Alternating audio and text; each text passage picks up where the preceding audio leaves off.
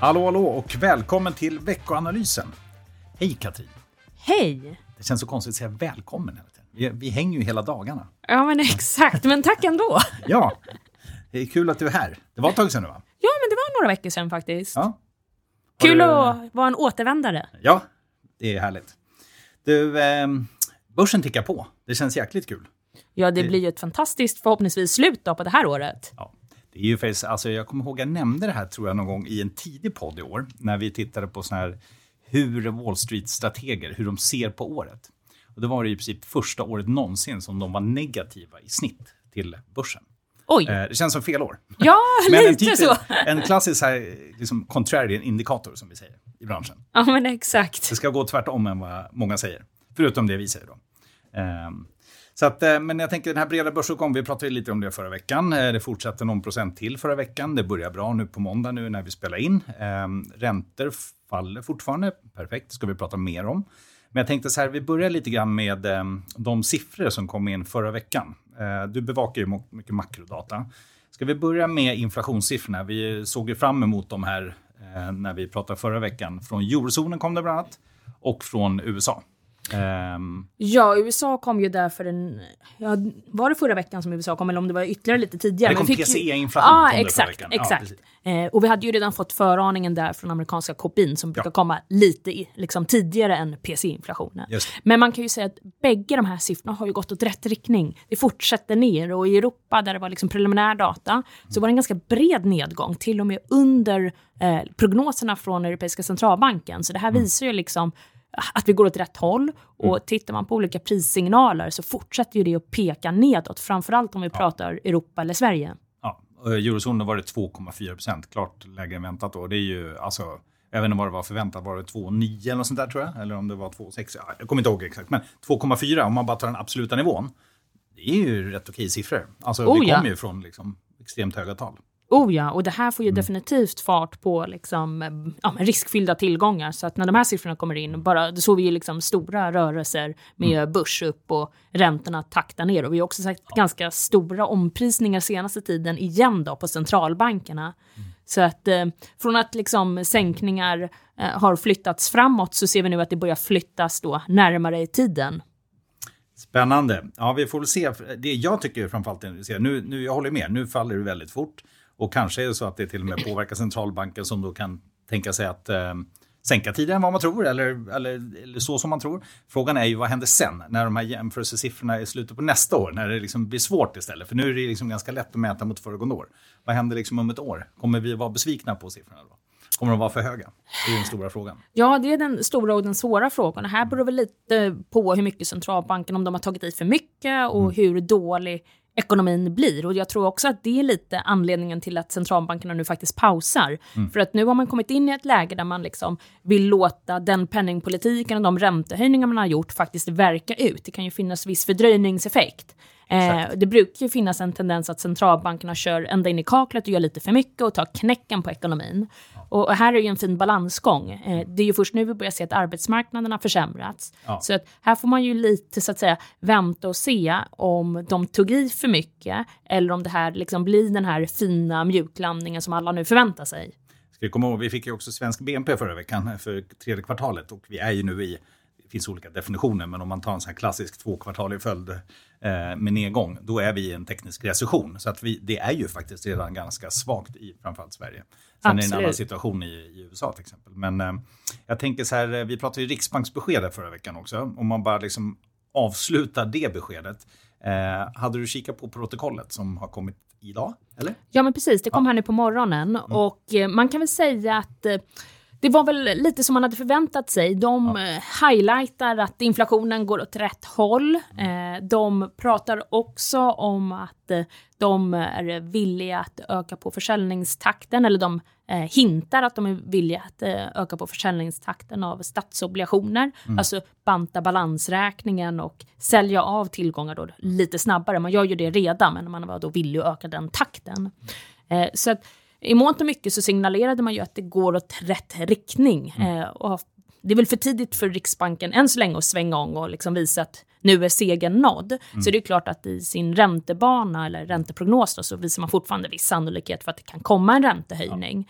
Men det mesta talar för att de faktiskt är klara. Ja. Och man kan väl säga alltså, det här med att banta balansräkning, hur ska man tolka det? Ja, men det, det är också ett sätt att strama åt ju egentligen. Alltså Ja. att man köpte var ju stimulerande att trycka ner räntorna. Det här, ja det beror ju på, låter man bara gå till förfall eller låter man liksom återinvesterar man inte? Alltså det beror på hur man, hur man gör exakt, men och över vilken tidsperiod. Men det är ju svagt åtstramande kan man väl Det är ändå se. det. Så man, det man gör är ju att man säljer ju av innan de förfaller. Men då just det du beskriver är ju en av anledningarna till att vi fortfarande är negativa på statsobligationer för svensk del. Då, för att det Riksbanken gör, om något då, ska ju trycka upp räntorna även från en låg så att säga, nivå ändå, eller vad vi ska kalla det. Yes. Och det gör ju att eh, andra räntetillgångar som bostadsobligationer till exempel är mer attraktiva än till exempel då svenska statsobligationer. Just det. Bra. Ehm, då räknar vi med att Riksbanken i alla fall kanske inte gör något på korta sidan. Nej, de lär nog inte röra styrräntan mer, utan där Nej. tror vi att de är klara. Yes. Industri-PMI kom det förra veckan också. Ja, men det gjorde det. Precis. Och här vet jag att eh, vi har pratat för länge sedan om liksom att det här har ju kommit ner till liksom åtstramande nivåer och att eh, det antyder att ekonomierna liksom ska krympa. Eh, sen tror jag med att vi kan lite ha flaggat för att det här kanske bottnar ut. Och jag tycker att det är det man ser nu i datan, att nu har det faktiskt stabiliserats. Så tittar man på någon form av global sammanvägning här av de industrisiffrorna vi fick förra veckan vad det gäller PMI då, så ser man just att det har stabiliserats. Så det är ju ett tecken på att det liksom, den här nedåtgående resan inte fortsätter. Även om vi fortfarande är på liksom åtstramande nivåer så har det inte förvärrats. Positiv signal kan man väl tolka. Alltså i alla fall att det kanske konsolideras lite grann. Positiv signal och prisindikatorerna därifrån såg vi också samma trend, att det liksom ja, tappade lite fart. Ja. Också positiv signal som också då antyder att inflationen ska fortsätta falla. Det känns ju som att väldigt mycket nu pekar på att det faktiskt att de här räntehöjningarna, att det liksom, det börjar bita. Och, och ofta är det ju fördröjningar på uppemot 18-24 månader liksom efter att man börjar liksom. Så att det är ju, och det kan ju hända även efter man slutat, så att säga, den åtstramningen. För det är, det är ganska långa, långa ledtider i mycket. Så att, eh, det ska bli väldigt intressant att se. Och det är ju fortfarande pratar ju väldigt många om liksom, soft landing och så vidare, i framförallt USA tänker jag på då. Men eh, historiskt så ofta när man pratat om det så kan det ju bli någonting annat ändå. Så vi får verkligen hoppas att det här eh, inte blir för allvarligt. Eh, och eh, ett viktigt besked får vi ju nu på fredag. Det är ju arbetslösheten eh, som, och sysselsättningsdata som kommer från i USA. Och där är ju, där har det väl kommit in lite siffror som är så här, som inte är direkt sysselsättningsdata, men så här jobs hard to get, eh, indikatorer och lite annat som liksom börjar gå lite åt fel håll ändå. Du nämnde det själv också att det liksom ser lite svagare ut ändå. Det sista sysselsättningsdatan var väl på typ 150 000 jobb eller något. Exakt. Ehm, så att, ehm, är du orolig för att det här går brant åt fel håll?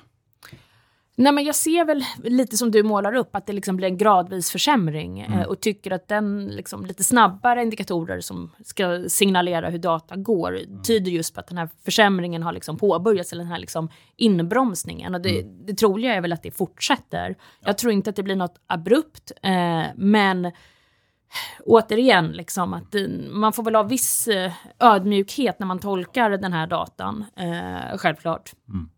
Och sen behöver man titta på liksom andra indikatorer, alltså framförallt sånt som ju kommer samtidigt, lönetillväxt och annat som, annat som, eh, som har påverkan på arbetsmarknaden. Inte bara själva sysselsättningssiffran som ju faktiskt ofta senaste året har behövt revideras väldigt mycket också. Så att det är liksom lite svårt att, att bara gå på den. Men jag tänker så här, eh, vi har pratat ganska mycket makro nu. Jag ska bara kort, eh, det kom ju faktiskt lite bolagsnyheter förra veckan. Eh, rapporterna har ju verkligen tunnat ut, det pratade vi förra veckan om, men det kom ju faktiskt några intressanta rapporter förra veckan i Sverige.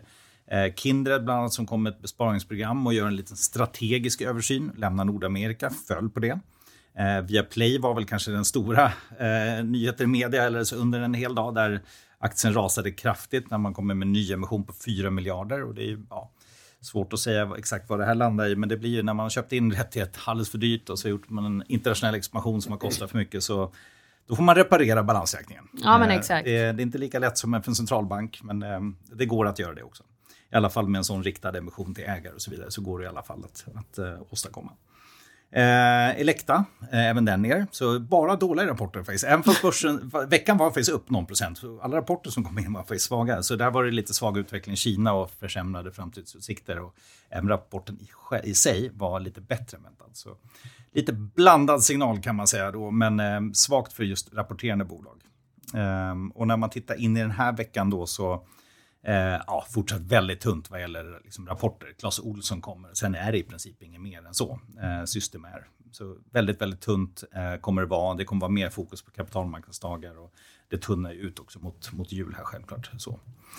Eh, jag tänker, vad har vi mer den här veckan? Jag tänker, du har eh, i alla fall när jag tittar på vår veckanalys har du skrivit lite om svenska fastighetsbolag bland annat. Ehm, och allmän eh, om avkastning på olika tillgångsslag i november? Är det något du vill lyfta fram? Ja, men det är alltid intressant att titta på. Mm. Bägge egentligen kan man, ja. kan man prata länge om. Ja, eh, och vi kan ju börja med att liksom, tittar vi på, eh, tittade på marknadsnoteringar nu idag, då såg man att guldpriset har ju rusat rejält senaste tiden. Eh, och det är väl en kombination då av att de här räntesänkningarna eh, kommer närmare i tiden och man förväntar att de liksom, är på gång. Mm. Eh, och eh, Eh, så att nu såg man till och med att, eh, att guldpriset faktiskt var över nivåerna som det var under coronatiden. Mm. Eh, såg också att bitcoin här nu sista tiden har fått en rejäl fart. Nu är ju inte vi inne i det, i, i det tillgångslaget i våra portföljer, men det visar ju generellt då att liksom, vi har senaste månaden haft en ökad riskvilja och det har vi ju pratat en del om redan under den här podden. Då. Eh, men det ser man både på amerikanska börsen, Stockholmsbörsen som har repat sig rejält under november. Då. Ja, 11 upp. Ja. Riktigt bra. Eh, och det ser man också då för att knyta an till det du just nämnde på fastighetsbolagen. Mm. Eh, och där ser man ju att eh, kvalitetsbolagen levererar, men även sådana här andra typer av bolag har sett stora kursuppgångar under månaden. I spåren då av att räntorna har kommit ner så har man liksom fått en skjuts upp då.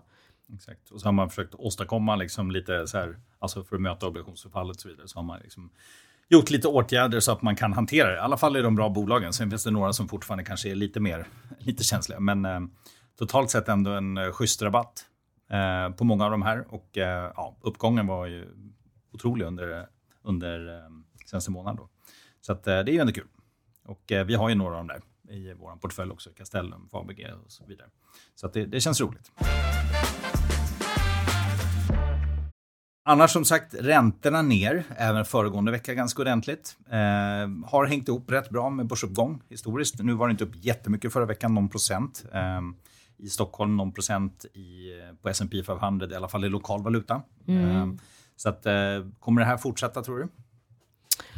Ja, alltså det man ska komma ihåg är att räntorna redan har gått väldigt mycket. Mm. Så att det finns ju potential att de går lite till ytterligare. Jag tycker att ofta när man pratar i alla fall för svenska räntor så brukar vår centralbank när de väl byter fot göra en total 180 graders vändning.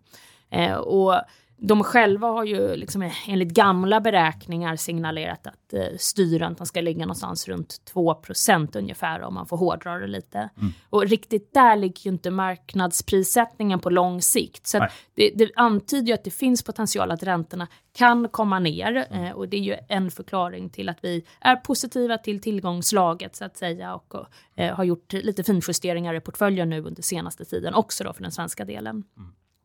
Eh, så att om räntorna fortsätter ner och marknaden får rätt här, ja då borde det bli liksom fortfarande bra styrka på börsen. Risken om man ändå får säga något är ju att marknaden och börsen har sprungit för långt eh, mm. och då kan det bli en liten korrigering. Mm. Men jag tycker att data talar för att eh, liksom, riktningen på räntor om något eh, är liksom att toppen är nådd och mm. nu har det ju gått mycket, eh, har potential att gå lite till då. Mm.